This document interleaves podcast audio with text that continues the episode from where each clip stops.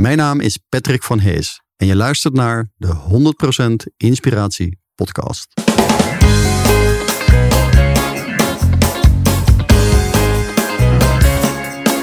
Hey, wat goed dat je luistert. Hij staat weer voor je klaar. Je wekelijkse dosis inspiratie is weer daar. De allerleukste gasten geven al hun kennis prijs. Met je veel te blije host, hij praat je bij. Zijn naam is Thijs. Thijs,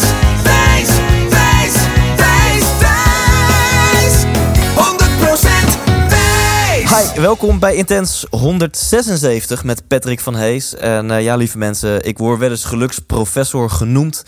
eh, of geluksonderzoeker door sommige mensen. Maar ja, Patrick heeft gewoon het boek geschreven, De Geluksprofessor. Een van de weinige boeken die ik werkelijk heb uitgelezen in mijn leven. Eh, zoals je weet ben ik misschien niet heel erg een lezer. Maar op vakantie heb ik heerlijk genoten van het boek De Geluksprofessor. Patrick heeft ook het boek geschreven, Geluk is dom. Dom. Dat eh, staat voor doelen, oplaadpunten en mensen. En zijn nieuwste boek, die is net uit. Echt gewoon vers van de pers. De inkt is nog net, eh, die is pas net droog. De Cambridge Happiness Profiler. En in de Cambridge Happiness Profiler ehm, kun je eigenlijk jouw persoonlijke geluksprofiel ontdekken. Daar hoort ook een online tool bij. En dit vind ik super gaaf. Hoe zoiets ja, niet concreets als jouw geluk. Hè, dat, dat is toch iets wat, wat niet heel tastbaar is. Hoe Patrick dat met behulp van wetenschap, met behulp van een, eh, een, eh, ja, met behulp van een soort van benchmark, met behulp van een soort van test, heel concreet heeft gemaakt. Eh, daar gaat het boek over. Daar is ook een online test over. En dan weet je gewoon hoe het staat met jouw geluk en waar je aan kan werken om nog meer geluk te ervaren. Dus, nou, I love it. Ik ga er verder niet heel veel meer over vertellen, want dat gaat Patrick doen in dit interview. En eh, als je nieuwsgierig bent, check dan alvast thijslindhout.nl slash premium. thijslindhout.nl slash premium. Want daar vind je eh, iets nieuws wat ik eh, ga lanceren binnenkort. En daar vind je ook de bonussen behorende bij deze episode. Dus check die URL alvast. En Patrick bedankt. Ga ervoor zitten, lieve mensen. Hier is Patrick van Hees. 100% Thijs. Ik denk, laten we gewoon beginnen, want je zou iets interessants. In je hoofd blijf je gewoon jong. Ja, zo, kijk, jij bent 31, ik ben 50, maar in Ja. je hoofd ben je vaak gewoon nog een jongen, weet je wel. Jij bent in mijn ogen ook een jongen, maar Ja. in, in de ogen van studenten ben je ook al een oude man, weet je wel. En dan ben ik ben bijna een opa misschien.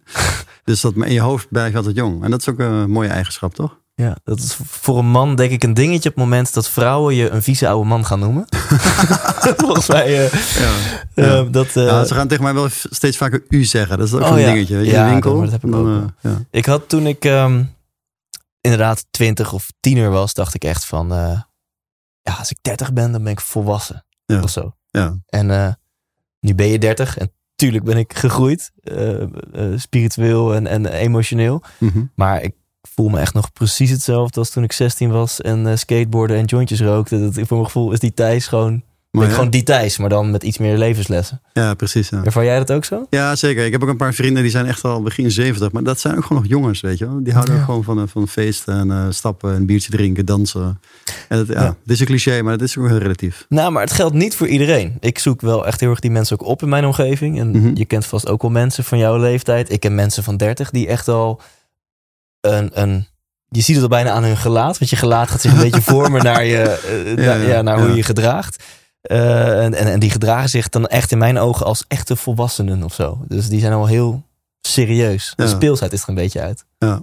Heb je dat ook in je omgeving? Dat je, dat je bij sommige Nou, mensen denkt van... hé, hey, jij bent 50 en net als ik gewoon nog lekker vol levensenergie. En jij bent 50 net als ik. En ja, je bent een beetje saai geworden. Ja, maar ik, ik snap wat je zegt, maar het, is ook wel gevaarlijk misschien om te zeggen. Want je hebt ook soms geen idee wat er bij die mensen allemaal meespeelt. Ja. Of, of wat ze ooit hebben, wat er ooit heeft meegespeeld. Dus dat, eh, of, of hoe hun persoonlijkheid of hun DNA is. Dus het is soms, ja, misschien heb jij wel een hele leuke jeugd gehad. En eh, nooit veel problemen gehad. Heb je nu, gaat alles je voor de wind. En eh, misschien heb je een leuke relatie, Ja. ben je gezond, heb je financieel goed. Dan is het ook soms wel makkelijk praten. Ja. Van wat, wat, wat, doet, wat doet ze moeilijk? Of wat is hij altijd een beetje down? Misschien heeft iemand aanleg voor depressie bijvoorbeeld. Ja. Dus ik vind het ook wel gevaarlijk om het soms eh, te zeggen. En kijk, en mensen krijgen ook soms kinderen. Ik weet niet, heb, jij al kinderen? Nee. Nou, ik heb drie kinderen, Niet zijn al weet, eh, 22, 20 en 12. Dus ja, die worden al steeds eh, zelfstandiger. Maar zeker Ja. als je kleine kinderen hebt, dat is ook vaak gewoon heel vermoeiend. Ja. Je slapeloze nachten, kinderen zijn ziek, je hebt zorgen. Dus ik snap wat je zegt, maar het kan ook soms gevaarlijk zijn. Ik Dat, vind het eh, heel fijn, dit antwoord. Vind ik echt heel fijn. En ik wilde voor de luisteraar ooit een concreet aan, aan koppelen. Dat als je in het verkeer wordt afgesneden of er wordt gebumperkleefd ja. of whatever. Hè, we vinden het zo verleidelijk om dan het verkeer als uitlaatklep te gebruiken van onze persoonlijke frustraties en emoties. Ja. Maar wie weet is die persoon die dat doet, Ja, heeft net te horen gekregen Ja. dat zijn moeder naar het ziekenhuis Ja, ligt. precies, of die heeft net een super kutdag op het werk gehad. Of heeft gewoon die nacht geen oog dicht gedaan. En er zijn ook echt wel eens momenten in mijn leven dat ik niet gezellig ben.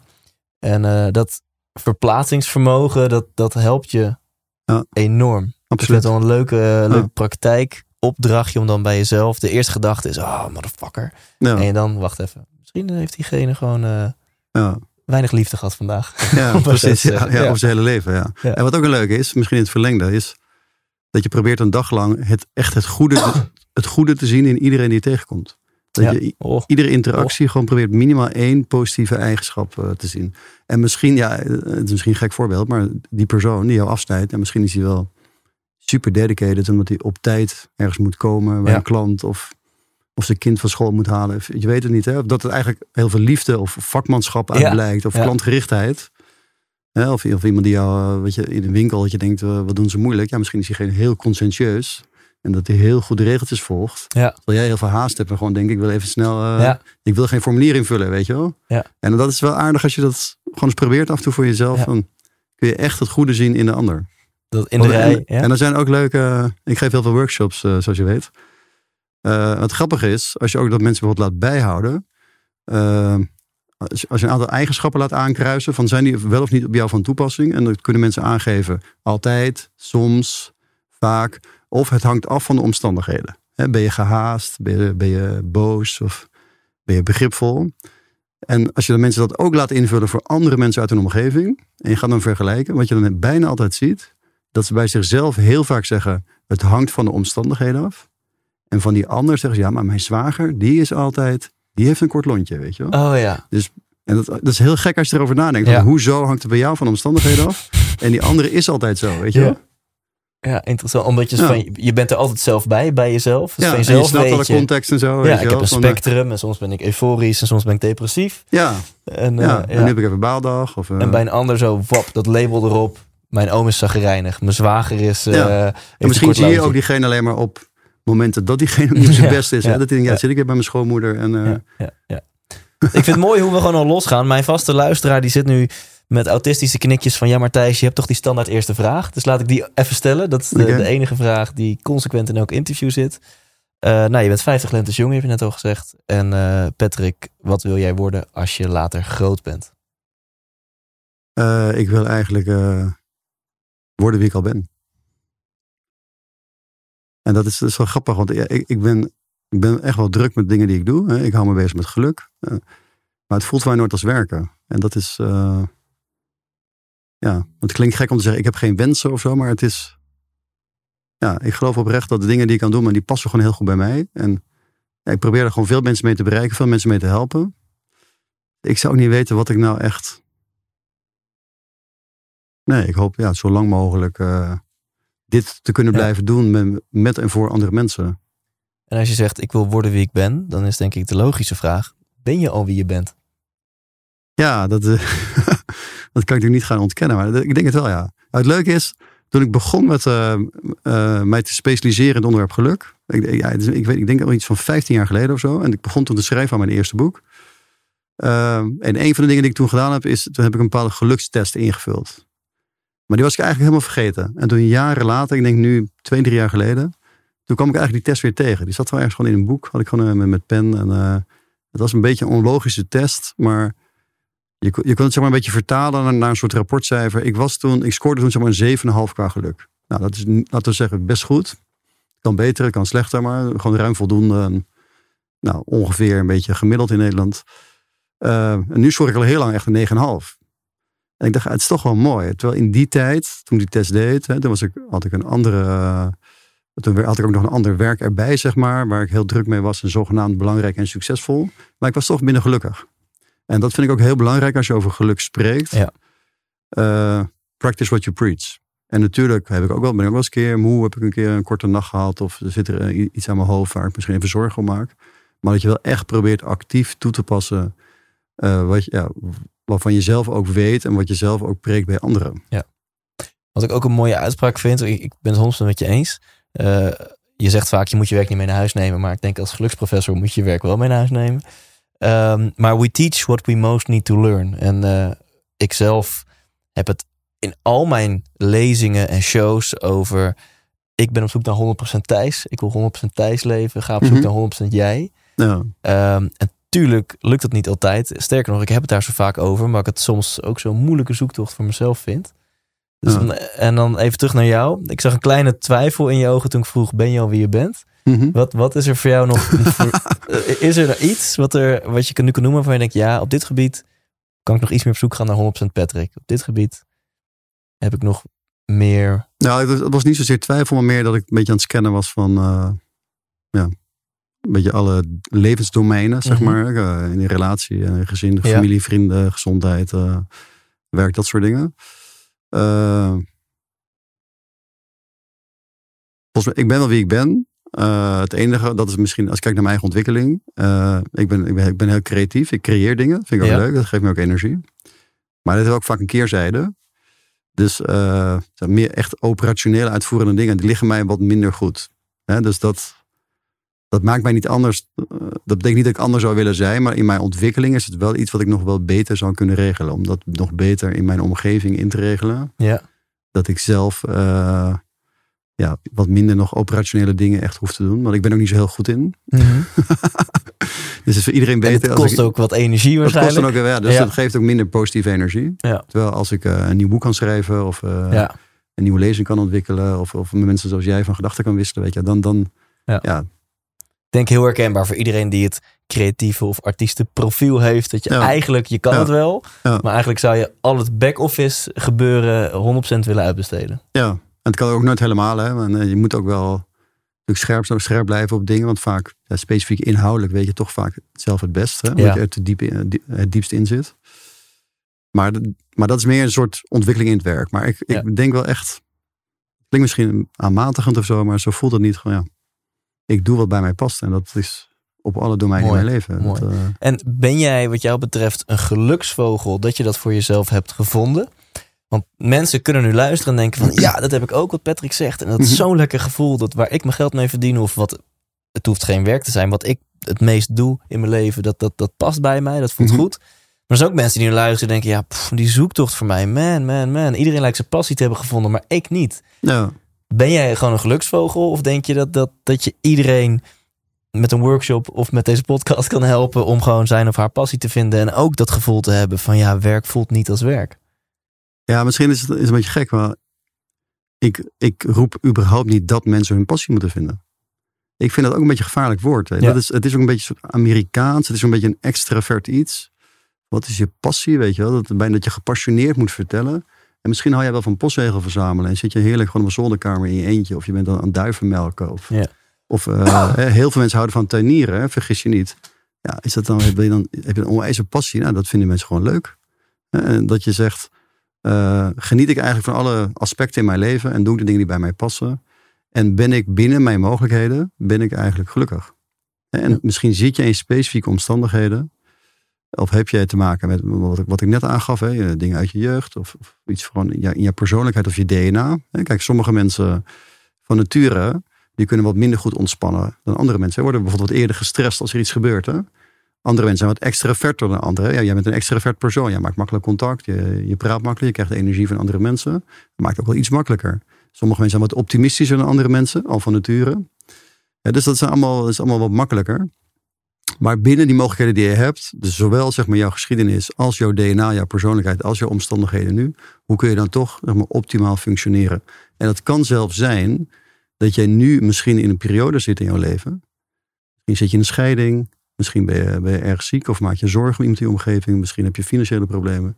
Dat je zegt, nou ja, als je heel eerlijk bent, is het misschien nu al heel knap. Dat je misschien een zesje kunt scoren qua geluk. En Ja. meer zit er nu even niet in. Ja. En om dan iemand zeggen, ja, maar je moet je passie gaan vinden, weet je, dan, dan dat is heel gevaarlijk. Eh, dus, maar en een ander, misschien een beetje in het verlengde daarvan, is, eh, Het verschil tussen succes en geluk.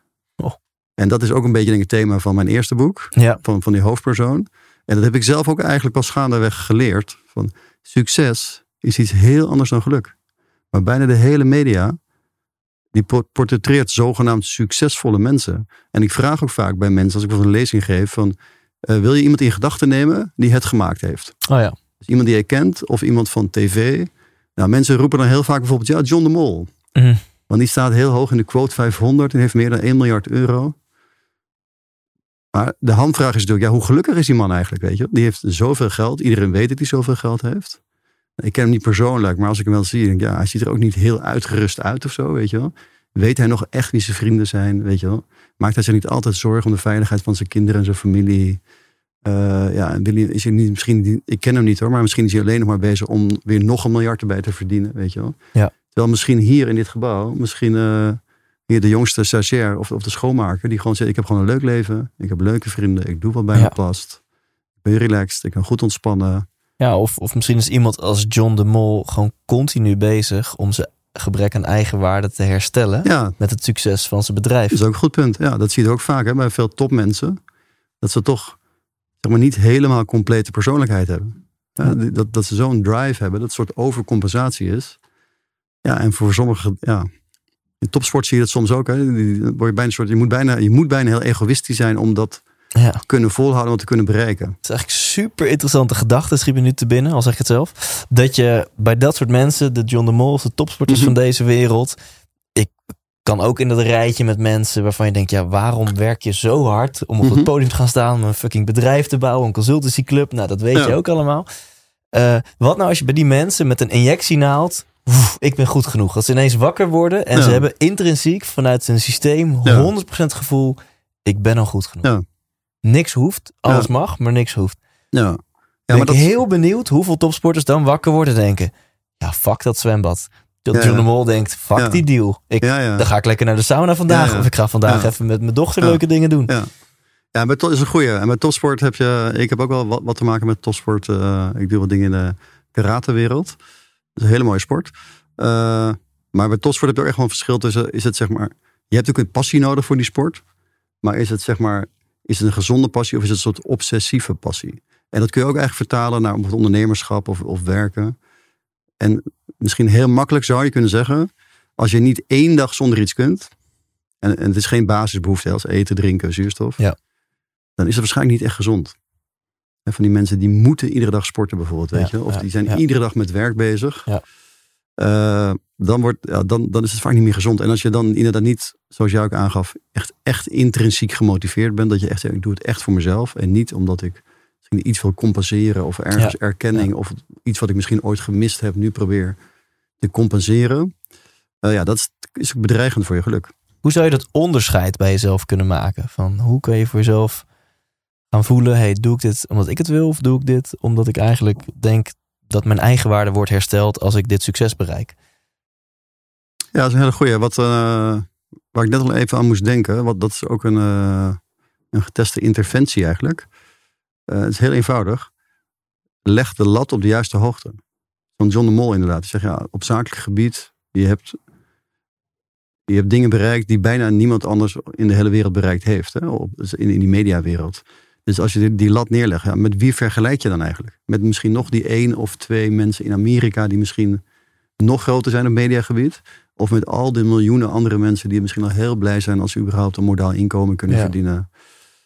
Uh, en dat blijkt dat dat kan ook heel veel mensen rust geven. Misschien die, die injectienaald die jij noemde, een hele leuke Mhm. metafoor. Maar, maar je kunt het misschien wel een beetje mentaal injecteren. Van ja, Ja. Wat, wat is eigenlijk een referentiekader, weet je wel? Ehm, ja, dus daar moet je eigenlijk even aan denken.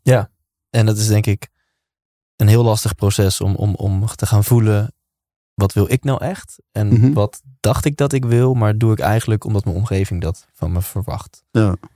Ehm, en je, je hebt heel veel luikjes opengegooid. Want Ja. ik vind je antwoord al heel mooi dat je meteen ook al zegt... we moeten naar omstandigheden kijken. Als je naar iemands Ja. gelukslevel kijkt... Ja. kijk naar een genetische aanleg... voor bijvoorbeeld Zeker, depressief denken of voor wat dan ook. Ja. Kijk naar de omgeving. Misschien is je moeder heel erg ziek... en is een zesje al een heel Ja. mooi... Ja. mooi is dat al lukt. Ja. Dus dat vind ik, vind ik Ja. wat mij betreft denk je dan al verder en dieper... dan En je, je geschiedenis, hè? geschiedenis, je omgeving. Daar heb ik ook Ja, trouwens ja. wel een leuk voorbeeld in. of eigenlijk een heel frappant voorbeeld. Ik onderzoek ook veel geluk eh, online. En een tijdje geleden waren, waren twee dames. Die hadden allebei een, een online eh, test ingevuld. En de een vulde in, ik heb een hele slechte jeugd gehad. Dus ik kan nooit meer gelukkig zijn. Hm. En haar geluksniveau was een 4, zeg maar op een schaal van 0 tot 10. Ja. Die andere dame, en ik ken ze allebei niet, hè? die andere vulde in, ik heb een hele slechte jeugd gehad. Dus ik denk altijd, vanaf nu valt alles mee. En haar geluksniveau was een Ja. 8. Ja, fascinerend. En natuurlijk, ik, ik, ken die, ik ken die dames niet. Je kunt ook niet wat de ene slechte jeugd noemt, de ander zou er misschien om lachen, weet je wel. Zeggen, ik zou heel graag willen ruilen. Eh, maar het is wel vaak herkenbaar, weet je. En als je dan ook dieper kijkt naar wat maakt, wat was het verschil tussen die dames, onder andere het niveau van optimisme. En dat lijkt heel voor de Ja. hand liggend, maar optimisme is echt een sterke geluksvoorspeller. Ja. En mensen die pessimistisch zijn, hebben ook bijvoorbeeld meer kans op depressie. Maar Of- is dat dus, je hebt het eigenlijk over een positieve mindset. Is dat aan te leren? Ja, en dat is eigenlijk wel mijn belangrijkste boodschap. Dus je, je kan niet heel ongenuanceerd zeggen, oh, hij heeft te weinig passie of eh, eh, hij moet eens een keer eh, wat gaan doen, weet je. Want voor de een is het echt makkelijker dan voor de ander. Ja. En je hebt soms echt geen idee wat er bij mensen allemaal meespeelt of wat ze allemaal op hun schouders meenemen. Maar tegelijkertijd mag het ook niet altijd een excuus zijn, want je hebt ook eigen verantwoordelijkheid. En tot op zekere hoogte, dat is wel mijn overtuiging, Ja. tot op zekere hoogte heb je zelf zeker wel invloed op je eigen geluk. Ja. En als het niet zo zou zijn, ja, dan is mijn werk ook, eh, slaat nergens op. Ja, dan, dan kom je op, het non, op de non-dualistische invalshoek. eh, waarbij je eigenlijk kan stellen, ja, alles is al voorbepaald. Want je hebt bepaalde eigenschappen ingeprogrammeerd. En, Nee, maar dat geloof ik niet hoor. Ik geloof niet, alles is voorbepaald. Zeker niet. Nee, nee. nee, nee. Maar ik geloof wel dat je bepaalde bandbreedtes hebt. Hè, die, die bij de een wat breder liggen of wat hoger of lager dan bij anderen. Ja. Dus de ene heeft het soms wat makkelijk. Je kunt het een beetje met sporten vergelijken. Dat is vaak een hele handige vergelijking. Kijk, ik heb altijd best veel gesport vroeger. Ik sport nog steeds wel. Maar als ik heel eerlijk ben, als ik terugkijk. Ik had het toen niet zo in de gaten toen ik jong was. Ik had gewoon niet zoveel aanleg.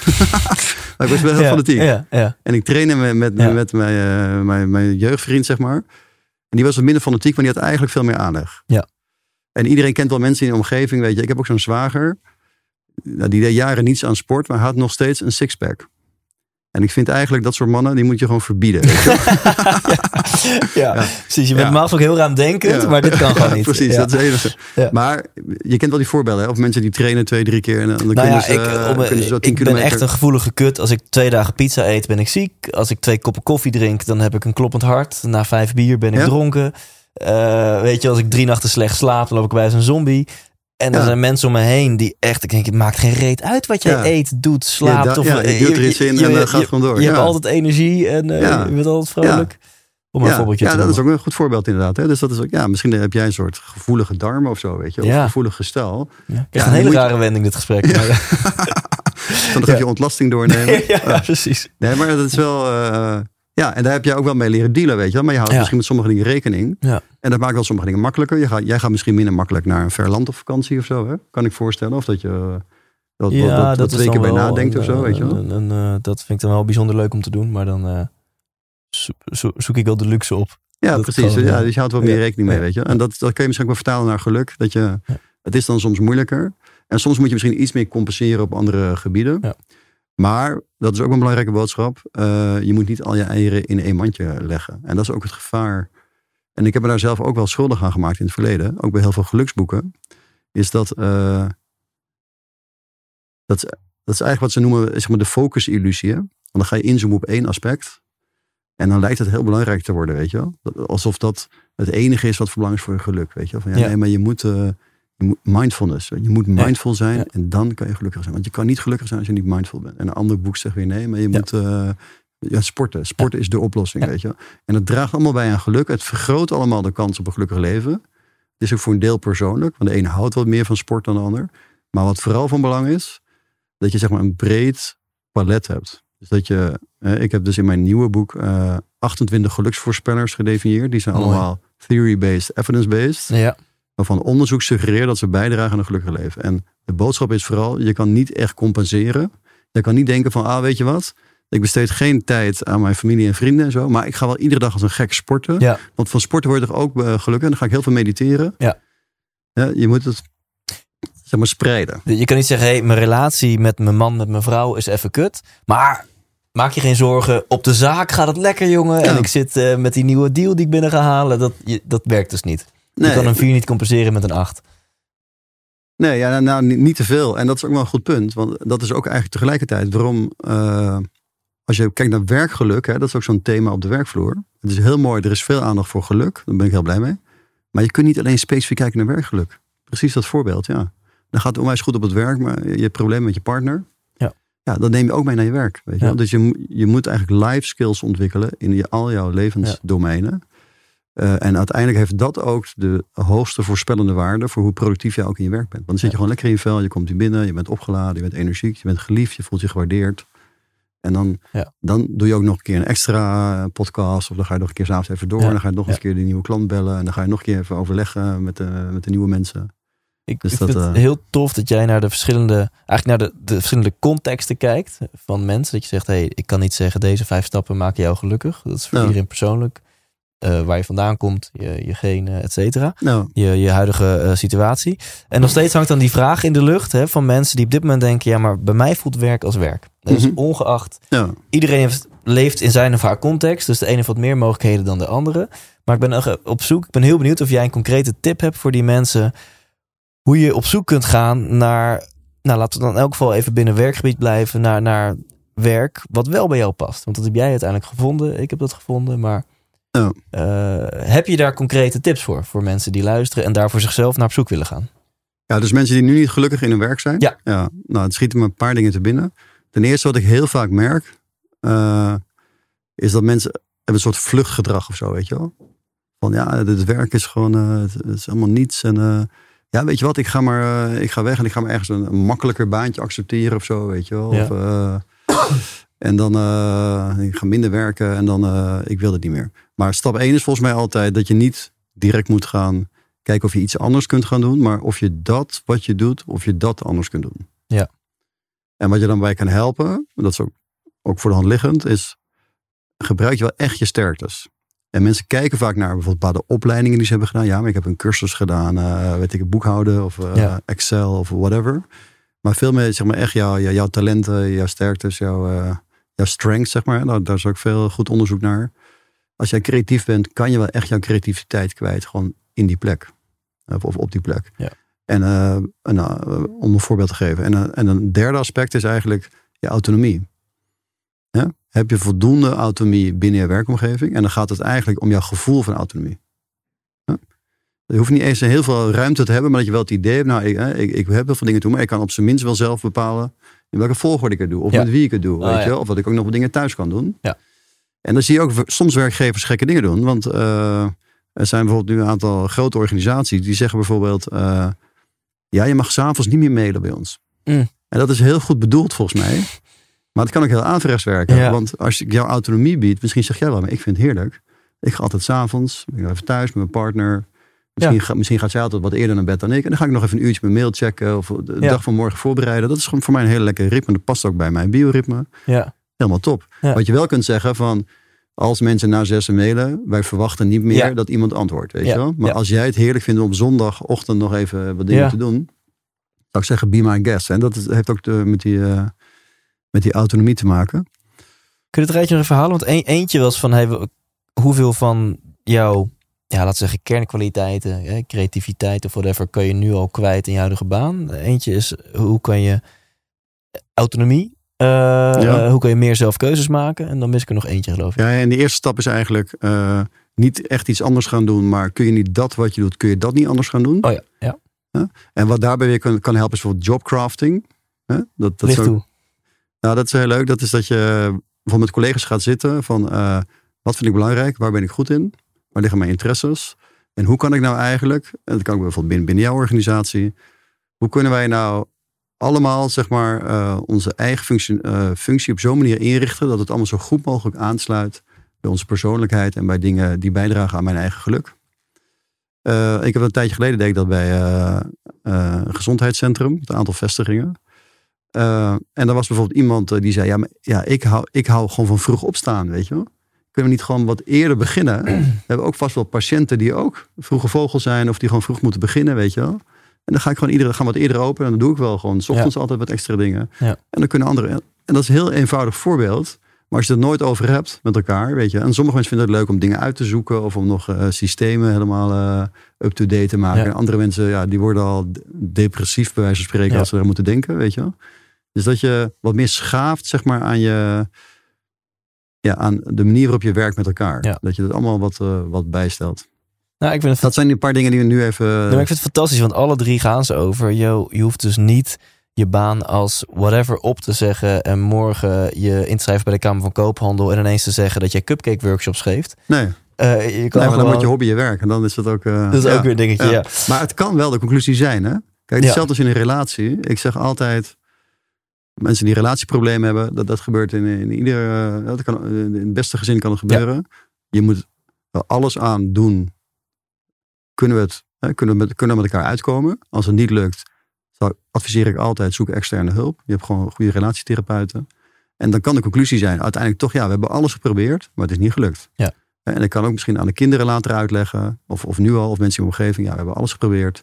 En ik kan mezelf recht in de spiegel aankijken. Op een of andere het werkte gewoon niet meer. En we zijn. En dat geldt ook in, in zo'n werkomgeving. Het kan wel zijn dat de conclusie is, ja, maar ja, jij bent zo talentvol en zo gedreven, weet je. Jij wordt gek als je onder een baas werkt. Ja. Van Thijs, jij moet gewoon voor jezelf gaan beginnen. Dat is voor iedereen beter, weet je.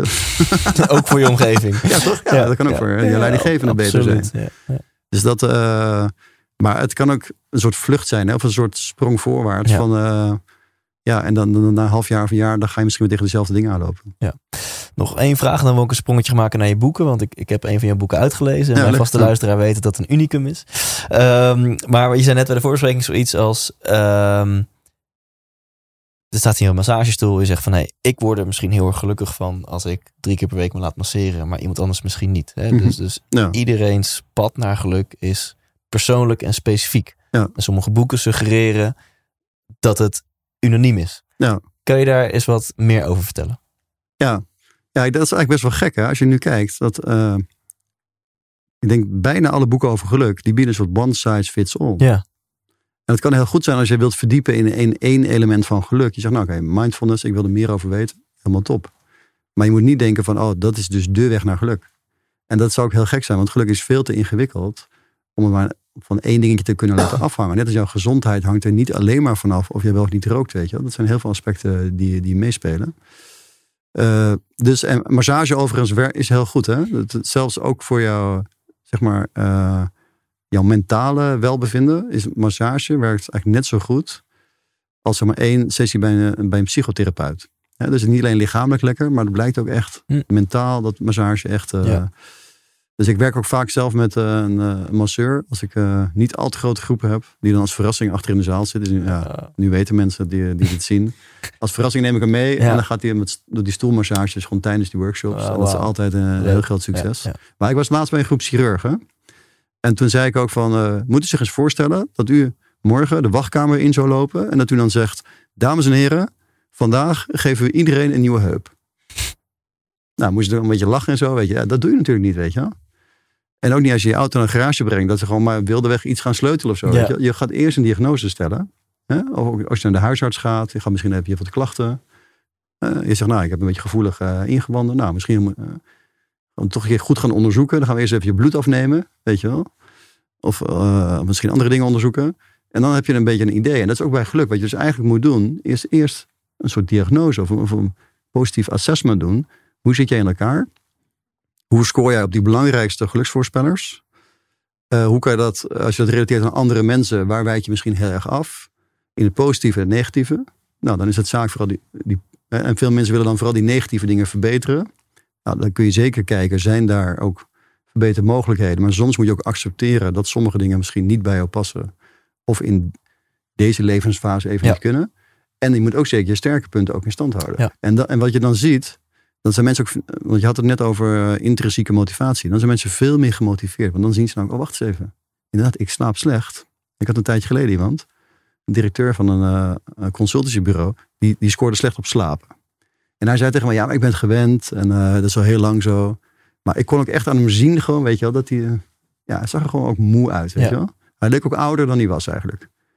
En hij was zeg maar, maar redelijk gelukkig, ik denk een zeventje als ik het goed herinner. Dus op zich niet slecht. Ik zei, ja, maar als je kijkt, hè, ik zeg, kijk, jij slaapt nog slechter dan de 10% minst gelukkige mensen. Dus misschien moet je toch nog eens daar specifiek naar kijken. En tegenwoordig is er echt ook veel bekend over, over eh, zeg maar slaap. Hè. Er zijn ook allerlei slaapinstituten. Misschien moet je toch nog eens een keer daar specifiek naar kijken. Misschien kan je er toch nog nou, iets in verbeteren, weet je. Of iets in, in ontwikkelen. Wat kan bijdragen aan jouw geluk? Want ook slaap is ook een geluksvoorspeller. En dat is... Dus enerzijds, je moet niet al je eieren in één mandje leggen. Dus je hebt zo'n breed portfolio nodig. Hè, dus daar die 28 geluksvoorspellers. Ja. Anderzijds moet je ook eh, bedenken, you can't have them all. Ja. Want anders kun je ook weer helemaal gek maken. Ik zeg altijd maar, iedere gezonde boom heeft ook een paar bruine blaadjes. Dat is helemaal Ja. oké, weet je wel. En dit is een hele concrete, hè, hoe goed slaap je? Dat kan je in principe kan Ja. iedereen die vraag beantwoorden. Maar uiteindelijk moet je ook gaan ontdekken waar jouw hartje sneller van gaat kloppen. En dan kan je heel cheesy zeggen, je kan je hart pas volgen als je je hart voelt. Hè, sommige mensen zijn dat contact gewoon met zichzelf kwijt. Nou, Ehm, ja, om, om, omschrijf je daar ook eh, eh, de, de tips voor? ja, het hangt er een beetje af wat jij jouw hart noemt. Hè? Ja. Dat is altijd een beetje van, eh, ja, is dat een soort hogere macht of zo? Of is dat eigenlijk gewoon jouw intuïtie? Nou ja, wat, wat mensen natuurlijk wel zeggen, ja, maar ik weet niet wat ik wil. Ik weet niet wat ik leuk vind. Ja. Weet je wel? En die zitten soms, misschien hypnotiseren ze zichzelf met die gedachten, Ja. maar die, die zitten een beetje vast daarin van ik weet het niet. Hoe kom ik er dan achter wat ik wel wil? Ja. Nou, als je het hebt over zeg maar, je sterktes of je talenten, de, de- dat kan je vrij goed onderzoeken. Want er zijn allerlei tests. eh. Die kun je gewoon ook online doen en dan, dan kun je dat wel eh, in kaart brengen. Wat ook vaak heel goed werkt, gewoon mensen in je omgeving. Je weet over het algemeen echt wel, Ja. je goed kennen, van ja, maar Thijs, jongen, dat moet je gewoon niet doen. Dat past Ja. niet bij jou, daar word je helemaal gek van, weet je wel. Dus als je het zelf niet weet, ga eens jou, de mensen waarmee jij het meest van je tijd besteedt, jouw dierbaren, je beste Ja. vrienden, Ja, eh jouw directe collega's, ga hun eens interviewen van hey, absoluut. wat, weet jij over mij? Wat, of ga op zoek naar andere mensen waarvan je misschien denkt, nou misschien... Nou, jij hebt ook ooit de stap gemaakt naar ondernemerschap. Ik ook ooit heel lang geleden. Ja. Van ja, een paar mensen spreken die het ook ooit gedaan hebben. Hoe is het, gewoon het eerlijke verhaal. Hè? Van, eh, je hebt je meer autonomie als ondernemer, hè, doorgaans. Maar je hebt misschien ook wel meer stress. Je hebt ook wel meer romslomp. Je moet ook belastingaangifte Ja. doen, et cetera. En wat ook een goede is, ehm, het blijkt toch... eh, ook zeg maar qua oplaadpunten. Dus de, ma- de manieren waarop mensen zeg maar eh, stress afbouwen en ook energie opbouwen. Dat mensen niet zo heel goed kunnen voorspellen wat voor hen goede oplaadpunten zijn. Dan zeggen ze bijvoorbeeld, ja, yoga, dat lijkt me echt zo zweverig. Oh ja, Maar het is ook toch een beetje trial and error. Ja. Dus probeer het gewoon eens een keer uit. En misschien gaat een wereld voor je open. Ja. Of misschien ren je gillend weg na vijf minuten. Omdat je eh, opeens vanuit je, je linker kniechakra moet gaan ademen. En dat je echt denkt, ja, dit is niet mijn wereld, weet je wel. Maar give Ja. it a chance, weet Ja. je wel. ja maar, Dus- eh, de algemene deler in je antwoord is, kom in actie. Ja, probeer Hè? Dus dingen. Ja. Probeer, ga- Ja. gaat aan Ja, mensen maar ook, ook wel. Eh, geluk is ook blijven verlangen naar wat je al hebt. Hè? En dat Ja. is ook heel gevaarlijk. Dat je dan, ik moet heel veel dingen veranderen. Maar stap 1 is inderdaad. Dat is met mensen die goede voornemens. Dat is ook ieder jaar zo'n dingetje Ja. van, met goede voornemens. Nou, volgens mij is het eerste voornemen. Kijken wat goed gaat. Hoe kan ik dat in stand houden? Huh?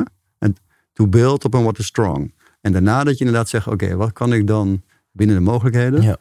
Kan ik misschien dingen veranderen? En je moet ook nooit te veel variabelen tegelijk veranderen. Ja. Dat is, want dan weet je op een gegeven moment ook niet meer wat wel of niet effect heeft. Nou, ik, ik, ik sta helemaal aan nu, want dit is waar 50, 60 procent van mijn show over gaat. Nou, Van hey, aan de ene Ja. kant wil je de ideale omstandigheden creëren. Is volgens mij niks mis mee. Met Mhm. dromen van je Ja. ideale huis, de je kans zo ideale, groot mogelijk maken. ja, je ideale bankrekening. Hoe, hoe vaak wil je op vakantie, ideale werk, je ideale Mhm. relatie. Volgens mij niks mis mee om daar van te dromen en ook stappen te zetten om dat werkelijkheid te maken. En aan de andere kant wil je je, je vermogen trainen om gelukkig te zijn, ongeacht de omstandigheden. En Ja. het eerste gaat wat meer over succes. Mhm. Het andere gaat misschien wat meer over geluk. Of dat eerste gaat misschien wat meer over de praktische kant. Dat andere gaat misschien wat meer over de spirituele kant. Ehm, nou, jij noemde het ook heel interessant. Geluk en succes zijn twee andere dingen. Dat is misschien een mooi linkje naar jouw eerste boek. En we gaan het daarna ook hebben over jouw nieuwste boek. Die eh, Ja. eh, vijf dagen geleden uit is gekomen als mensen dit horen. Met die 28 voorspellers. Ja. Maar jouw eerste boek, De Geluksprofessor, die heb ik eh, gekocht. Eh, volgens mij op het vliegveld. En eh, meegenomen anderhalf jaar geleden toen ik naar Tenerife ging. En die heb ik weliswaar uitgelezen. En ehm, ja, super. ik kwam Ja. er pas aan het einde of achteraf achter dat het een fictieboek was. En ik dacht dat het een non-fictieboek was. Ik dacht dat het een autobiografisch verhaal was over, eh, over jouzelf. Dat je dan alleen de hoofd wil spelen even een andere naam had gegeven. Ehm, over jouw zoektocht naar geluk. En ehm, nou, misschien verklap ik te veel, maar fuck it. Ergens in het boek zet de hoofdrolspeler zijn eigen begrafenis in scène. En ik dacht, wat een eindbaas is die Patrick. Heeft hij dit, heeft hij dit echt gedaan? Is hij echt achter in de zaal bij zijn eigen begrafenis gaan zitten... Om te kijken wat mensen over hem zeggen? Maar goed, dat is dus eh, eh, ehm, fictie. Maar kun je eens wat vertellen over, over dat boek De Geluksprofessor? Want volgens mij is het in dit genre uniek dat het eigenlijk een roman is. In Ja, plaats klopt. van een zelfhulpboek. Ja, het- klopt. Ja. Dat, dat, maakt het ook wel een beetje onduidelijk hoor. Dat zeker, ik heb het toen eh, in eerste instantie in eigen beheer uitgegeven. En eh, ja, het is een roman, maar het, het zit wel heel duidelijk een geluksboodschap in. En die boodschap Ja. heb ik zoveel mogelijk toen geprobeerd te onderbouwen op wetenschappelijke inzichten. Eh, maar dat maakt het dus een beetje een soort ambigu van, ook voor een boekhandel, hè, waar moet ik het eigenlijk neerzetten? Ja. Eh, maar, maar, eh, maar het maakt zeker uniek. En dat, eh, wat ik graag wilde, mijn, mijn, mijn boodschap over geluk vertellen. Maar ik dacht, als ik het nou verpak in een verhaal, weet je wel. Want niet iedereen leest non-fictie. Ja. En mensen denken vaak in beelden. En als je het voor je kunt zien, dan, dan blijft het misschien ook blijft langer hangen, weet je wel. En ik kwam toen al heel veel in Cambridge. En ja, dat is voor mij echt, echt wel mijn inspiratiebron eigenlijk. Het is echt een magische plek. Eh, dus ik wilde, eh, eigenlijk, terwijl ik het boek aan het schrijven was, het verhaal ging eigenlijk als vanzelf naar Cambridge. Eh, ja, en daar, daar kwam allerlei verwikkelingen. En ik heb ook het meest geschreven, ook de echte ter plekke in Cambridge. En dat was ook echt, had ik ook giga veel eh, inspiratie. Ik kan me herinneren eh, dat ik daar begon te schrijven. Ik schreef 10.000 woorden op een dag. Nou, dat is echt, Wow. echt best wel veel. Want Ja. even, een, een, een- als je op de 30, 40.000 woorden zit, heb je al gewoon een boek. Ja, van ja, 60, 70, gewoon voor een beetje, laten we zeggen, iets, iets dikker boek. Maar, Ja. Maar dat is wel, ja. Je houdt ook niet altijd alles over, hè. Maar ik was echt, ja, ik, dat is echt wel mijn, eh, ja, een hele, hele fijne plek. Die mij heel veel inspiratie biedt altijd. Eh, en het verhaal echt van het boek is heel simpel. Is, is, is een marketingprofessor, is eigenlijk iemand van eenvoudige komaf. Die zich, die goed kon leren en die zich ontwikkeld heeft. Die is een marketingprofessor aan Nijrode. Ja. En hij is heel materialistisch en eh, een beetje seksistisch en een beetje eh, wil zich ook heel graag bewijzen. En eigenlijk is het gewoon een onzeker mannetje. Ja. Hij rijdt in een Porsche en zo. Ja. Ja, Maar uiteindelijk zit hij toch tegen een burn-out aan en dan hij vlucht als het ware naar Cambridge en daar gaat hij eigenlijk op zoek. Hè, dan maakt hij nieuwe vrienden, ont, ontmoet de liefde van zijn leven. En hij gaat op, op zoek naar het geheim van geluk en uiteindelijk wordt hij zelf een soort geluksprofessor. En vandaar de titel de geluksprofessor. En dat is ook een beetje mijn bijnaam geworden, hè, want het is geen formele titel. Maar omdat het boek zo heet en het boek nog, ja, wordt nog steeds verkocht. Het is nu een negende druk. Zo. En mijn uitgever zegt, ja, het is, het is een, een longseller. Eh, dat is wel heel leuk eigenlijk. Eh, dus ja, dat is een beetje mijn bijnaam geworden. Maar dat is een beetje de rode draad van het boek. Dus eigenlijk als je dan kijkt, ja, die man... Hij, in het begin hij jaagt geluk na. Of hij jaagt succes na. En gaandeweg gaat hij steeds meer eigen geluk najagen. En dan heeft natuurlijk allerlei worstelingen. Maar uiteindelijk vallen dingen op een plek. Wat ik heel leuk vond. Een vriend van mij zei toen op een gegeven moment na afloop. Hij zei ja, mensen schrijven dan vaak... Een, doen iets en dan schrijven ze daarna een boek erover. Hij zegt maar jij hebt een boek geschreven. En daarna ben je het eigenlijk zelf gaan doen. Ik zeg ja, dat is echt wel een goeie. Dat heb ik het eigenlijk niet eens echt bedacht eigenlijk. Ja. Want ook die hoofdpersoon gaf daarna dan allerlei summer courses in Cambridge. En, ja, en dat doe ik ook nog steeds, weet je wel. Ja. ja, dus het is niet helemaal niet biogra- autobiografisch. Nee, want- maar ik geloof sowieso hè, dat, dat ieder boek die, die een, een fictie-auteur schrijft, zit ook altijd, het komt uit je hoofd, weet je wel. Dus ja, en dat is ook wel een deel de lol. Want ja, ik kan een personage op jou baseren, weet je wel. Alleen dan maak ik hem tien jaar ouder. Of, eh. Of ik zet jou in een andere setting en dan woon je opeens in Miami, weet je. En, en dat is gewoon heel grappig, weet je wel. En, dan, eh, en daar kun je, kun je mee spelen. Dus dat, en natuurlijk ook die hoofdpersoon. Ja, als ik terugfilm, ik was ook vroeger meer een carrièreman. Ik wilde Ja. ook eh, belangrijk zijn en eh, een, een mooie auto en geld verdienen. Alleen op gaandeweg kwam ik er wel achter, ja, hier zit niet echt, echt het geluk. Ja. Dus dat, dat is zeker wel autobiografisch. Precies, Ja. zowel jij als de hoofdrolspeler komt erachter op een gegeven moment... succes is niet gelukt. Precies, ja. Kun je daar dan nu wat over vertellen? Wat is wat jou betreft dan de definitie van geluk, definitie van succes... en wat is het verschil daartussen? ja. Nou, kijk, ik, geluk is mijn specialiteit, hè? Succes. maar Ja. eh, geluk, eh, als je kijkt naar de definitie, ik hanteer eigenlijk een combinatie van twee dingen. Enerzijds is gewoon, hoe tevreden ben jij met jouw leven? Alles bij elkaar. Dus je gezondheid, werk, financiën, woonomgeving, eh, relaties, et cetera. ja. Dus, en dat is, dat is een beetje soort objectief, hè? een beetje rationeel. Dat mensen een beetje uitzoomen van nou, op schaal van 0 tot 10. Nou, dan, kunnen mensen echt wel een cijfer geven. En het tweede element is eigenlijk gewoon, ja, hoe voel je gewoon op dit moment? Dat is meer de emotionele kant.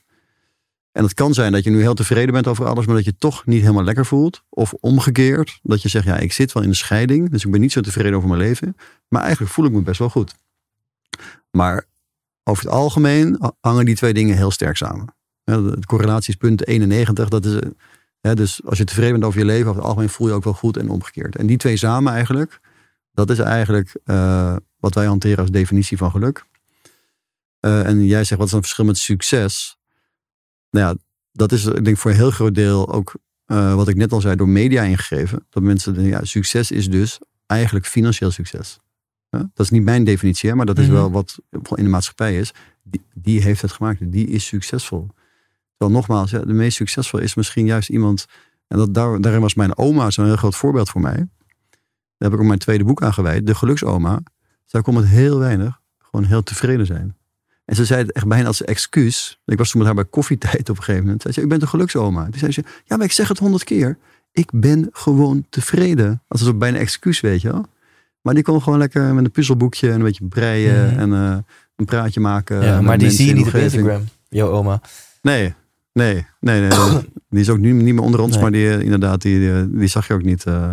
Nee, en dat is ook, ook met die hele social media en zo. Dat, is die hele pressure van, eh, Ja. ja. het is altijd maar... eh, jij bent, je hebt veel likes, dus dan ben je succesvol. Je hebt veel Ja. volgers, dan ben je succesvol, Ja. weet je wel. Je hebt veel kijkers op je podcast. Oh, hij heeft het gemaakt, weet je wel. Terwijl je misschien s- s'nachts niet slaapt, omdat je, weer denkt, eh, hoe moet ik volgende week weer... eh, Nou, ik ben blij dat je deze begrippen ook echt zo definieert. Want het is vaak heel wijs om te zeggen: nee, maar mijn definitie van succes is de mate waarin je trouw leeft aan jezelf. Dat vind ik een hele mooie definitie, maar dan denk ik, ja, maar als je hem zo definieert, dan hou je de hele discussie geluk versus succes weg. En ik vind juist die discussie van geluk versus Ja. succes heel interessant. En om die discussie te Ja. kunnen voeren, moet je eventjes de wat oppervlakkige maatschappelijke definitie van succes hanteren. Namelijk, hey, als jij veel volgers hebt, ben je succesvol. Als je veel euro's hebt, ben je succesvol. Als je op tv komt, ben je succesvol. Als je een miljoen hebt, ben je succesvol. ja. En volgens mij, eh, eh, ik, ik, ik was laatst ziek. Ik ben nog steeds aan het herstellen. Hoor je aan mijn stem en mijn kuchje en zo. En toen heb ik een week lang bij mijn moeder op de bank gelegen. Dus ik ben weer helemaal bij met eh Editie NL, RTL Boulevard, Hart van Nederland Show Nieuws. Want dat staat daar de hele dag aan. Met alle respect voor mijn lieve mama. Maar toen zag ik dus in een van die programma's dat hadden ze onderzocht wat de jongeren willen worden. Mhm. En ik geloof dat in, in Nederland twee derde en in Amerika zelfs drie vierde van de jongeren nu influencer willen worden. ja. Dat is echt extreem Bizar, hoge percentages. ja. Ja, ik ken wat ook vind je ervan? Ja, nou ja, het is, ik denk de vraag stellen is een beantwoorden. ja, ja. Maar ik ken ook een wat oudere Amerikaanse onderzoek. Ik weet niet meer het percentage, maar ik dacht iets van ook 32% van Amerikaanse jongeren eh, was ervan overtuigd dat ze later beroemd zouden worden. Ja. Niet alleen dat ze het willen, maar dat ze ook gewoon denken. Ja, ja, wel. ja. Gaat Dus dat is natuurlijk ook, ook vraag om problemen natuurlijk, weet je. Dat, dat, dat kom ik terug op, op leg de lat op de juiste hoogte. Van ja, dat is natuurlijk geen reële lat, weet je wel. Van eh, ik word influ- influencer. En mensen denken ook, oh je bent influencer, oh dat is makkelijk. Want je, je gaat op een bankje zitten, je gaat een uurtje met iemand praten. En dan ga je weer naar huis en dan heb je heel veel views en krijg je heel veel geld, weet je wel. Dat, dat, dat soort beelden hebben mensen dan. eh, terwijl ja, ik weet ook wat jij er allemaal omheen moet doen, weet je Ja. Dat is ook... Dus ehm, ja, ja, dat- en, dat is, en dat is wel het gevaar. En ik, ik heb een heel interessante grafiek. eh, kan ik nu niet laten zien, denk ik. Maar ik kan hem even kort uitleggen. Dat, dat, zijn, dat zijn wel Amerikaanse cijfers voor jongeren. Ik meen uit mijn hoofd tussen 14 en 16. En dan zie je eigenlijk eh, van de afgelopen paar jaar. Je ziet eigenlijk, eh, ze sla, je ziet eigenlijk een dalende lijn dat ze wat minder, minder zijn gaan slapen. Je ziet ook een dalende lijn dat ze wat minder eh, real-life interaction hebben met andere mensen. Je ziet een stijgende lijn qua internetgebruik. En je ziet ook een dalende lijn qua geluk. En als ik die, als ik die grafiek laat zien met een presentatie, zeggen altijd heel veel mensen foto's van maken. Dat is altijd een teken. en hè, dit dat, is wereldwijd of in de Nee, dat, zijn, dat is in Amerika. Dat zijn Amerika, Amerikaanse Amerika, cijfers, ja. ja. Maar het is wel een goed, eh, goed onderzoek. Eh, en natuurlijk kan je er niet direct zeggen, oh, dus als je veel op internet zit, eh, word je minder gelukkig. Hè? Want er kan ook een andere externe oorzaak Mhm. zijn. Of sommige mensen gaan meer op internet omdat ze bijvoorbeeld een baan kwijt zijn en dan meer tijd hebben. Maar wat je wel ziet in eh, veel onderzoeken, eh, dat het natuurlijk vaak niet zo heel goed teken is. Als mensen heel veel online zijn, als het niet specifiek voor je werk is. En de vraag die je dan moet stellen, volgens mij, is eigenlijk tweeledig. Waarom zit je erop en hoe zit je erop? Ja. Want natuurlijk heeft het ook zeker voordelen. En eh, tegenwoordig, eh, het is ook voor een deel eh, onderdeel van ons leven geworden. Maar als je dan wel kijkt, met name die social media, maar ook zeg maar, de algemene media. Want ook wat, wat jouw moeder dan kijkt, weet je wel, dan zie je toch weer een...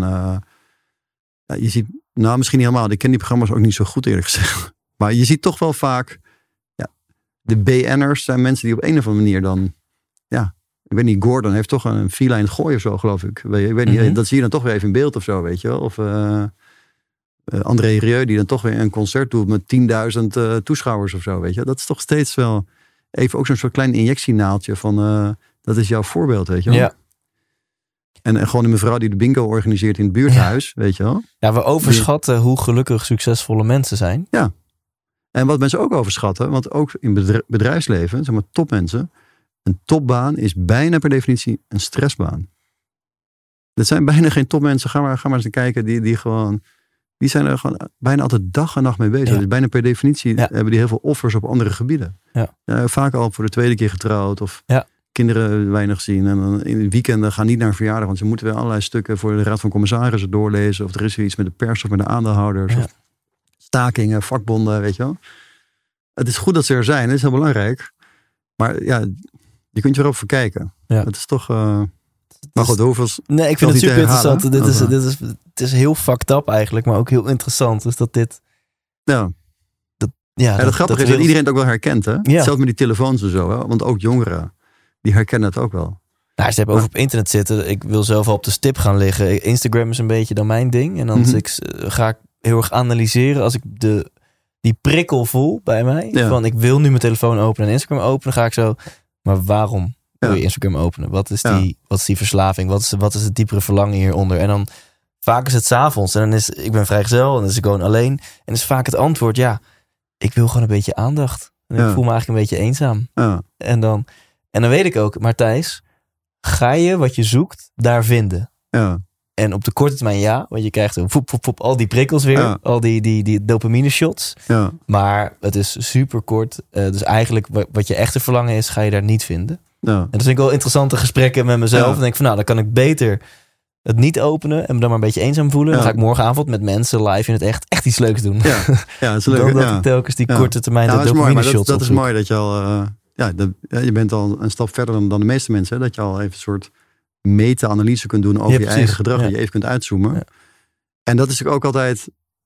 Ik wil ook echt helemaal geen dominee of zo zijn. Of zo, weet je? Dat is ook, af en toe is het ook helemaal prima. Weet je? Af en toe is het ook prima wat jij zegt. Af en toe ga ik even lekker doorzakken. Of, eh, of ga ik gewoon eh gedachteloos op de bank goede tijden, slechte tijden kijken. Is prima. Maar ik spreek ook veel mensen.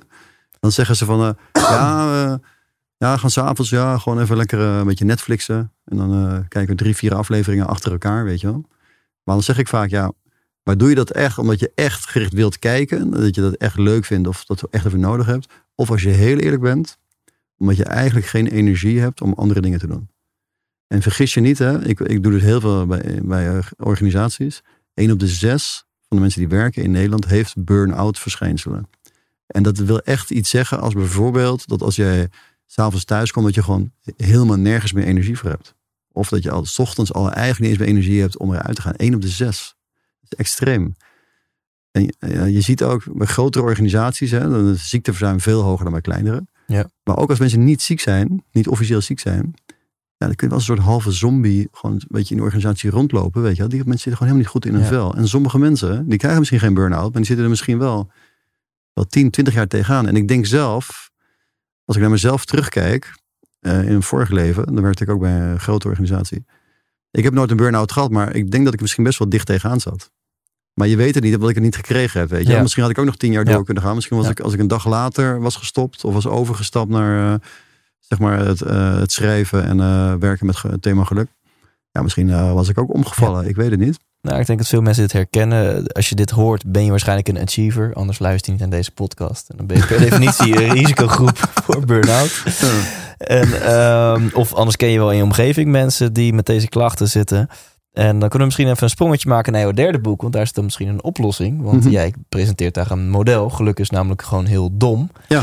Kun je dat eh, model eens delen Ja. met mijn... En ik check ook even bij mijn kerstverse producer op welke tijd we zitten. Want ik heb voor het eerst heb ik eh, ehm, iemand die eh, alle techniek voor mij doet. Namelijk Melissa. De allereerste kerstverse stagiaire van 100% Inspiratie. Op hoeveel tijd zitten we? Staat secondes. En op de camera. Kan je het misschien daar zien? Oh, dan Nou, doen we het gewoon op gevoel. Ik ga het. Ah, Oké, top. Dan eh, gaan we nog even door. Ehm, Dom, wil je het eens toelichten? Ja, Geluk is dom. Ja, dat is dus de titel van mijn, van mijn derde boek. Ehm, en dat is eigenlijk wel een soort doorvertaling, wat ook al in de Geluksprofessor een beetje aan het eind wordt uiteengezet. Is, eh, en daar heb ik heel lang over nagedacht van, als je kijkt naar al die, al die onderzoeken en eh, wat, wat allerlei deskundigen wereldwijd zeggen, wat is nou de essentie van geluk? Hoe kan je het nou samenvatten? En uiteindelijk kwam ik tot het inzicht dat volgens mij gaat, gaat het om drie dingen. En die kan je dus onthouden met dat zinnetje. Geluk is dom.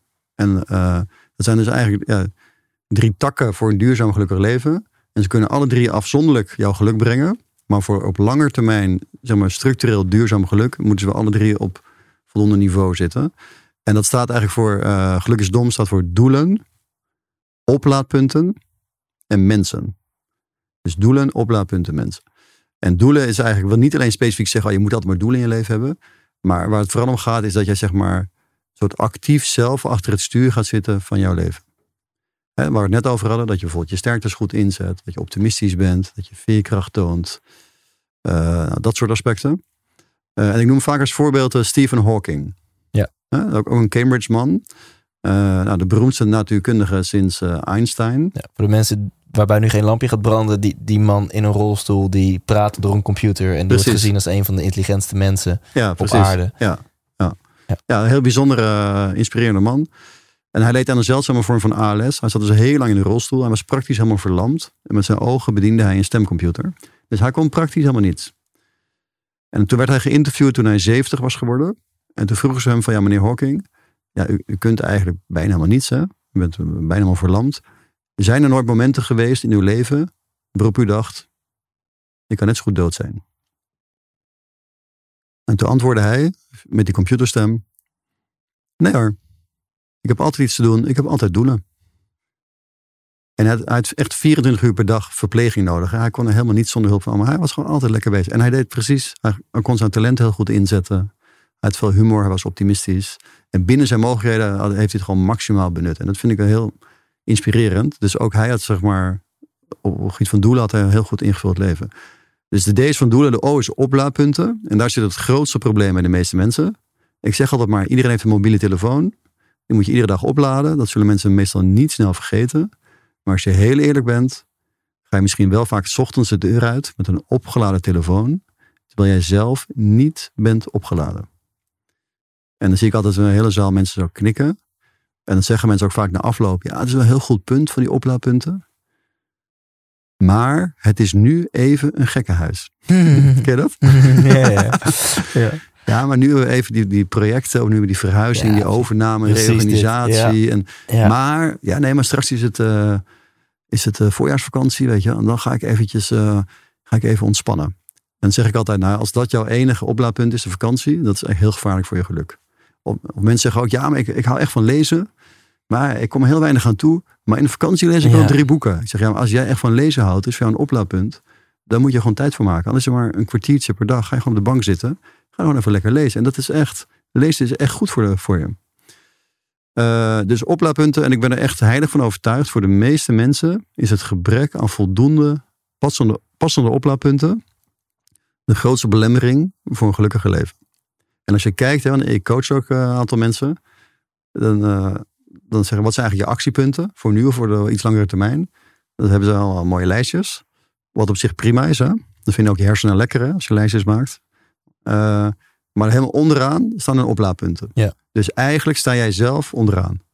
En wat gebeurt er? Er komen natuurlijk steeds weer nieuwe dingen bij dit lijstje. Eigenlijk zak je zelf steeds weer naar beneden. Ja. Weet je wel? En wat bij ook gebleken is, heel veel mensen weten eigenlijk niet eens hoe zij zichzelf kunnen opladen. En oplaadpunten, dan heb je het ook over dingen als, als slapen, waar we het over gehad hebben, over, over lichaamsbeweging. Het hoeft niet per se sport te zijn. Hè? Dat kan ook gewoon zijn wandelen, fietsen, uh, dansen. Dan heb je het over uh, bijvoorbeeld seksueel actief zijn. Maar ook bijvoorbeeld over genieten. Ook over mindfulness. En mindfulness, daar, daar is veel aandacht voor, ook in Nederland hè, al de laatste jaren. Maar bijvoorbeeld genieten is een beetje een ondergeschoven kindje. En er zijn verschillende, mensen kunnen op verschillende manieren genieten. En het blijkt mensen die actief op veel verschillende manieren genieten. Dat actief, wat ze noemen genietstrategieën toepassen. Die zijn wel over het algemeen ook wat gelukkiger. Want het gaat niet alleen om dat je geniet, maar ook hoe je geniet. En genieten is ook niet alleen in het moment. Je kunt ook genieten, je kunt ook zeg maar mentaal tijdreizen door dingen uit het verleden weer terug te halen. Of door je al actief te verheugen op dingen die gaan komen. En dan heb je de M van mensen. En ja, dat is heel veel ja. kort uh, inhangt op die O.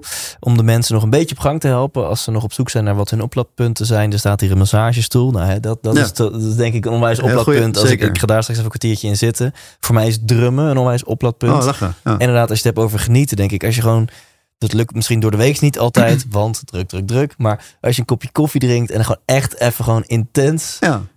Ja. dat kopje koffie, gewoon, daar gewoon Ja. echt een, een genietmomentje van, Ja. eh, van ja, maar van dat is mooi. Dat is, En- en- dat is, ja. Ja.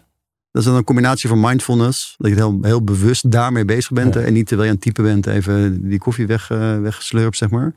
En ook genieten dat je er ook echt bewust... Eigenlijk bij mindfulness zijn, zijn je gedachten bij wat je aan het doen bent... of wat je nu ervaart zonder het te oordelen. Dat is eigenlijk mindfulness. En genieten is eigenlijk... Maar dat betekent dus ook... Je kunt ook mindful zijn als je bijvoorbeeld iets slechts meemaakt. Hè, dat je er heel gewoon laat binnenkomen. Of, eh, of pijn hebt. Of verdriet. En bij genieten is eigenlijk dat je meer een soort... een antenne hebt... Eh, net, als, net als bij dankbaarheid bijvoorbeeld. Hè?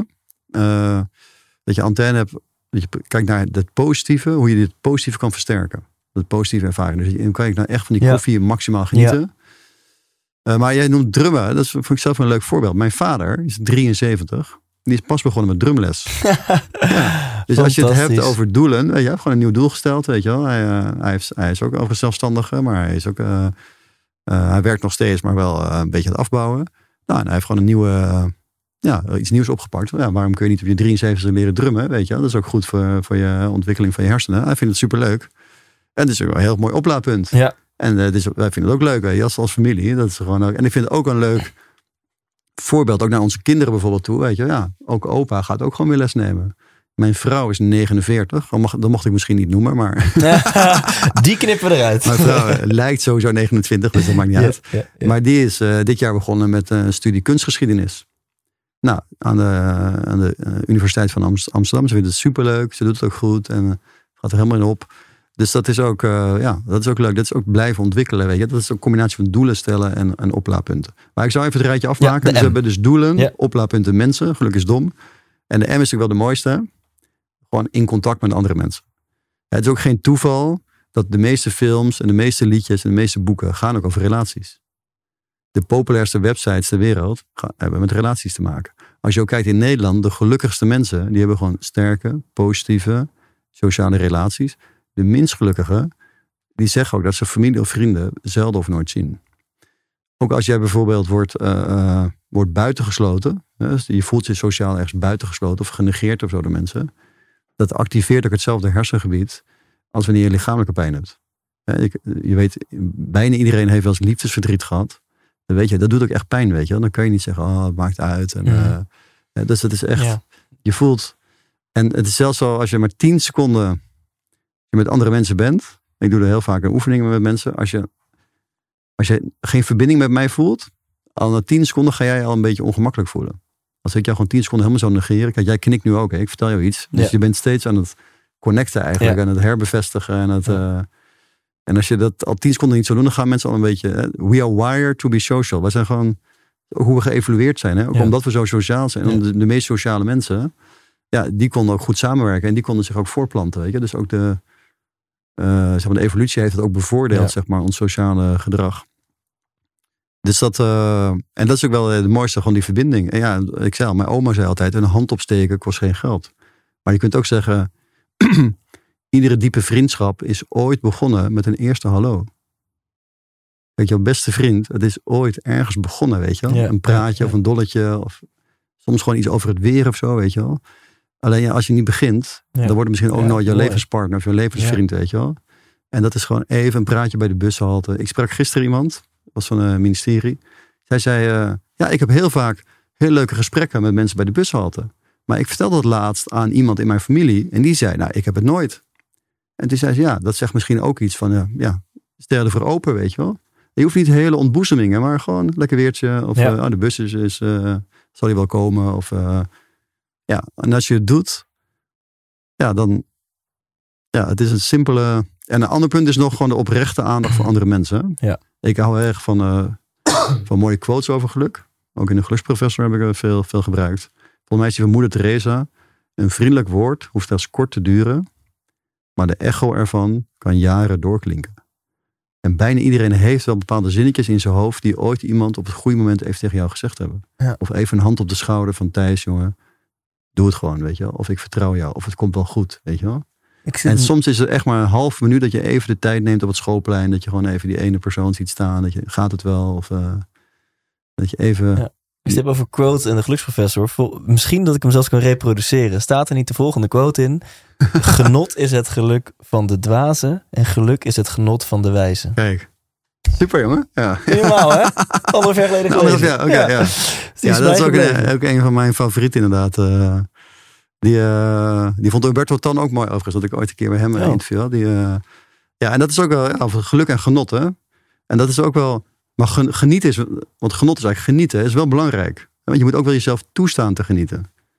Ja, alleen je, je ziet natuurlijk sommige mensen die denken dat, dat ze alleen maar gelukkig kunnen worden door alleen maar te genieten. Weet je. Alleen maar consumeren, uit eten Ja. gaan, mooie dingen kopen. Eh, vaak ook wel meer materialistisch. Over het algemeen zijn materialistische mensen wat minder gelukkig dan niet-materialistische mensen. Eh, maar je moet ook wel jezelf toestaan te genieten. Dus er is ook wel de balans bij. Ja. Maar uiteindelijk is genot zeg maar, een, een puzzelstukje in het totaal van zeg maar, al die, die geluksvoorspellers. Die, die Ja. totale boom die jou kan helpen als die tot bloeien komt. Om jou om zo Ja. gelukkig mogelijk te worden. Nou, Perfect linkje wat mij betreft, want je hebt al echt eh, heel wat, wat, wat dingen genoemd. Je zegt slaap is een interessante voorspeller van geluk. Ja. De sterkte van je sociale relaties is een voorspeller Zeker, van, eh, van geluk. Ehm, welke noemde je nu net? Die noemde net ook eentje, daarom kwam ik erop. Eh, genieten. oh, ja, genieten ja. is een voorspeller van geluk. Oh. En ehm, dat zijn in totaal 28. En ik pak even een spiekbriefje erbij. Want jouw nieuwste boek, de Cambridge Happiness Profiler, is nu Ja. uit. Ja. Stay tuned, dames en heren. In de outro hoor je wat je kan doen om er eentje te winnen. Gesignaleerd en Mhm. al door Patrick. Ehm, en ik vind het heel tof dat je geluk ja, wetenschappelijk gaat benaderen. eh, ehm, met 28 voorspellers. Ja. En ehm, ja, eigenlijk geef ik je nu gewoon een, een, platform om promotie te doen voor het boek. Dus vertel er eens wat over. Nee, super. Nou ja, ik zie het overigens wel als mijn taak. Hè. Ik kijk goed naar de wetenschap. Maar ik probeer het meer toe te passen in de praktijk. Dus ik, ik probeer meer de brug te zijn tussen de wetenschap. We hebben bijvoorbeeld in Nederland eh, Ruud Veenhoven. Die al tientallen jaren aan Erasmus eh gelukonderzoek en heel veel in kaart brengt. Eh, echt een Nou, van mijn, een van deze mijn op mijn helden. shortlist. Ja. Ja. Maar ik- probeer dat soort inzichten te vertalen. Wat betekent dan in praktijk? En daar, zo is ook eigenlijk die, die Cambridge Happiness Profiler ontstaan. Daar ben ik echt al een paar jaar mee bezig geweest. Eh, dus gekeken, wat zijn dan... En het gekke is, dat was er gewoon nog niet. Dat is heel gek. Dat als je gewoon mensen vraagt, ja, wat zijn eigenlijk de belangrijkste dingen die mensen gelukkig maken? Ja, dan roepen mensen een paar dingetjes. Iedereen kan wel iets roepen, want soms zit er ook wat, wat onzin bij. Maar het, ja, dacht, wat is nou het totale plaatje? En uiteindelijk heb ik dat is in kaart gebracht. Dus dat zijn dus die 28 geluksvoorspellers. En die verklaren gezamenlijk, zeg maar hoe jij daarop scoort. Die verklaren 84% van de verschillen in geluk tussen mensen. Dus als jij een 7 scoort en iemand scoort een 9. En je kijkt zeg maar naar die onderliggende voorspellers. Dan voor een heel groot deel vind je die verklaring daar. Gemiddeld genomen. Het kan zijn dat jij in een heel specifieke omstandigheid zit. Ja. wat je, eh, dat je net een overlijden hebt meegemaakt of zo. Waardoor je, je geluksniveau opeens heel erg omlaag is. Eh, maar laten we zeggen in, in een min of meer dezelfde situatie. Eh, en dan kun je, daarmee kun je dus, eh, en dat is ook wat ik in het boek beschrijf, wat zijn dan die voorspellers? Bij het boek zit een test, een code met een test kun je online doen. Dan krijg je in kaart, eh, zeg maar, jouw geluksbronnen. Dat zijn dan drie voorspellers waar je het hoogst op scoort in vergelijking met andere mensen. Want niet iedereen scoort even makkelijk even hoog op dezelfde voorspellers. En de drie groeigebieden waar je het laagst op scoort, waar misschien het meeste verbeterpotentieel zit. En dan heb je eigenlijk veel meer grip, heb je veel meer, je hebt een soort analyse van je geluk. En je hebt ook veel meer ha- handvatten waar je dan Ja. aan zou kunnen werken. En wat je moet koesteren enerzijds. Hè, die, die geluksbronnen moet je koesteren. En anderzijds die groeigebieden. Waar kun je misschien nog eh, wat, wat winst behalen. En daarbij krijg je dus heel veel eh, ja, gelukstips. Die ook zoveel mogelijk zijn eh, gebaseerd op gevalideerde interventies.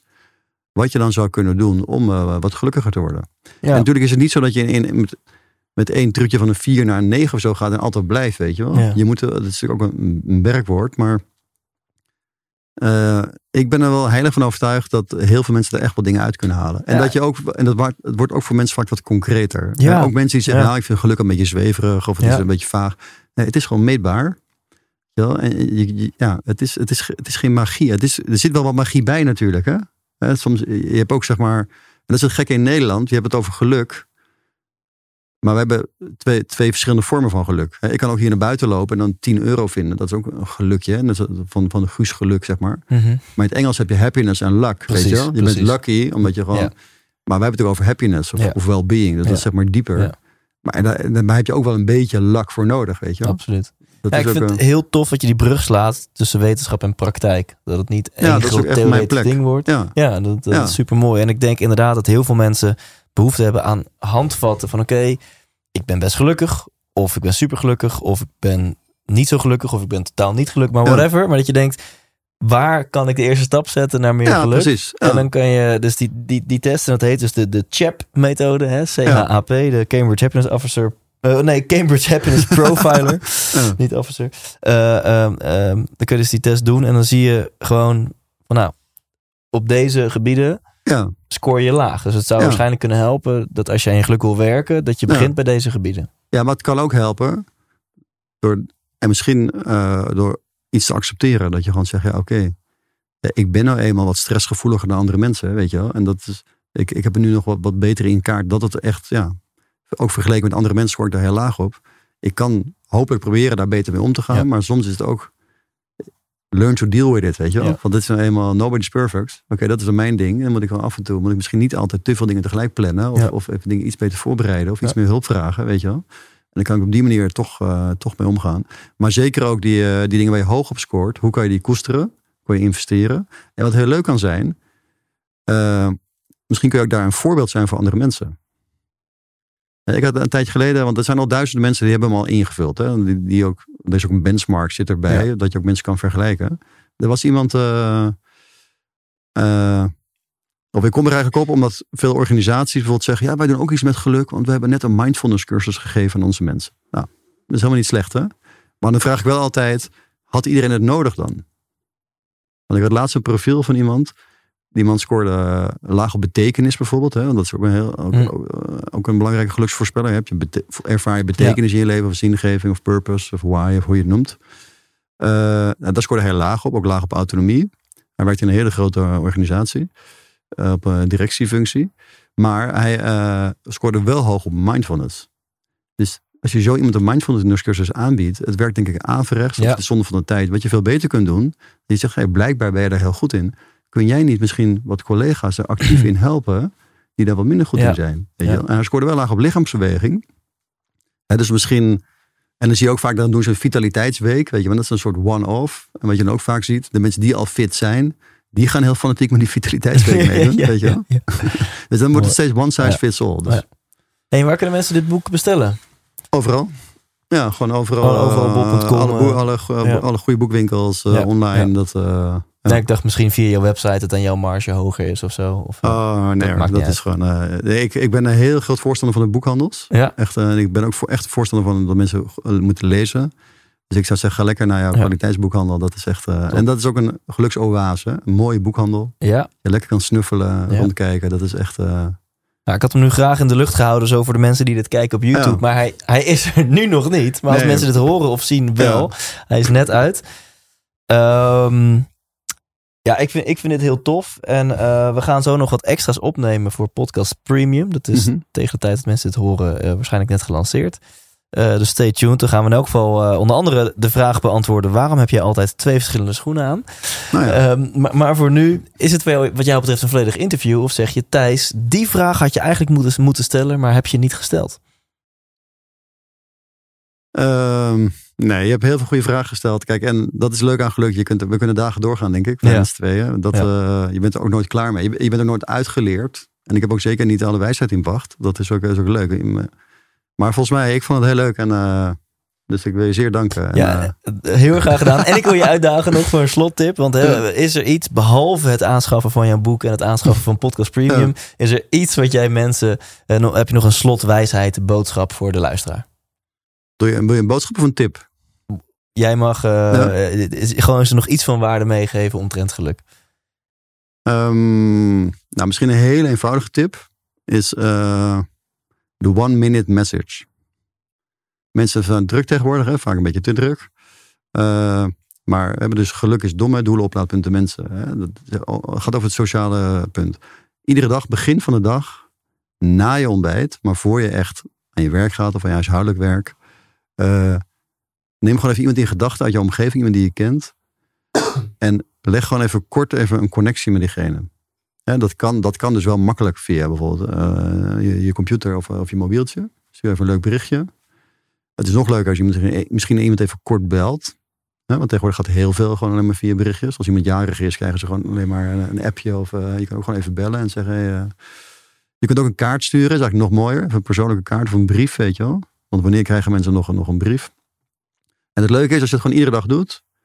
En zeker als je het gewoon doet, toch via een berichtje. Dat, dat kost nog niet eens één minuut. Maar, en iedereen heeft één minuut aan het begin van de dag. En op die manier, heel laagdrempelig, dan investeer jij in misschien wel je belangrijkste bezit voor een gelukkig leven. Namelijk gewoon jouw sociaal netwerk. En je zult zien als je het doet, ja, mensen gaan natuurlijk reageren. Ja, leuk Thijs, ik moest ook even van jou laten denken. Hoe is het? Gaan we even een keer een biertje drinken? Of uh, gaan we een keer sporten? Of, uh, of nou, ik, ik, stuur ook even iets naar jou, weet je. Want, uh, ja. En het kunnen ook kleine dingen zijn. Hè? Dat als je iets in de krant leest, ja, dat je een fotootje maakt en gewoon even iemand stuurt. Ja. Van, hey, je houdt toch van vlinders? Ik las net dit artikel, hartstikke leuk. En, ja, en, maar je investeert dus gewoon even in, je, in jouw netwerk op een hele eenvoudige manier. Waanzinnig. En voor de luisteraar, denk nu niet, oh tof, dit ga ik morgen doen. Nee, ik wil jou uitdagen met nu. Zet nu je auto langs goed. de kant. Ja, stop, nou, even, stop even met die hardloopband. Stop ja. met de afwas, met het stofzuigen, wat je ook aan het doen bent. En stuur nu even iemand een berichtje of een spraakberichtje. Of bel diegene die je eventjes uh, wat liefs wil vertellen. Ja. Tof. Nou, super. Hey, heel erg bedankt Patrick. Ja, ja, jongen. Wel geluk. Ja, bedankt voor het luisteren naar deze episode. En um, ik noemde het al in de intro. Uh, podcast Premium. Thijslindhout.nl slash premium. Wat is dat? Dat gaat binnenkort gelanceerd worden. Dat wordt iets heel vets. Maar let op, alleen voor luisteraars die meer willen. Alleen voor luisteraars die behalve deze podcast ook echt aan de slag willen met hun eigen leven, hun eigen zoektocht naar geluk en succes. Dus vind je deze podcast tof? Uh, ben je op zoek naar meer?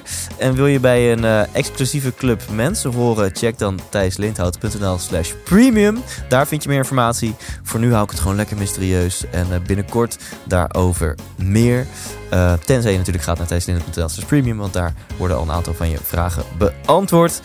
En um, check ook gewoon dat boek, de Cambridge Happiness Profiler.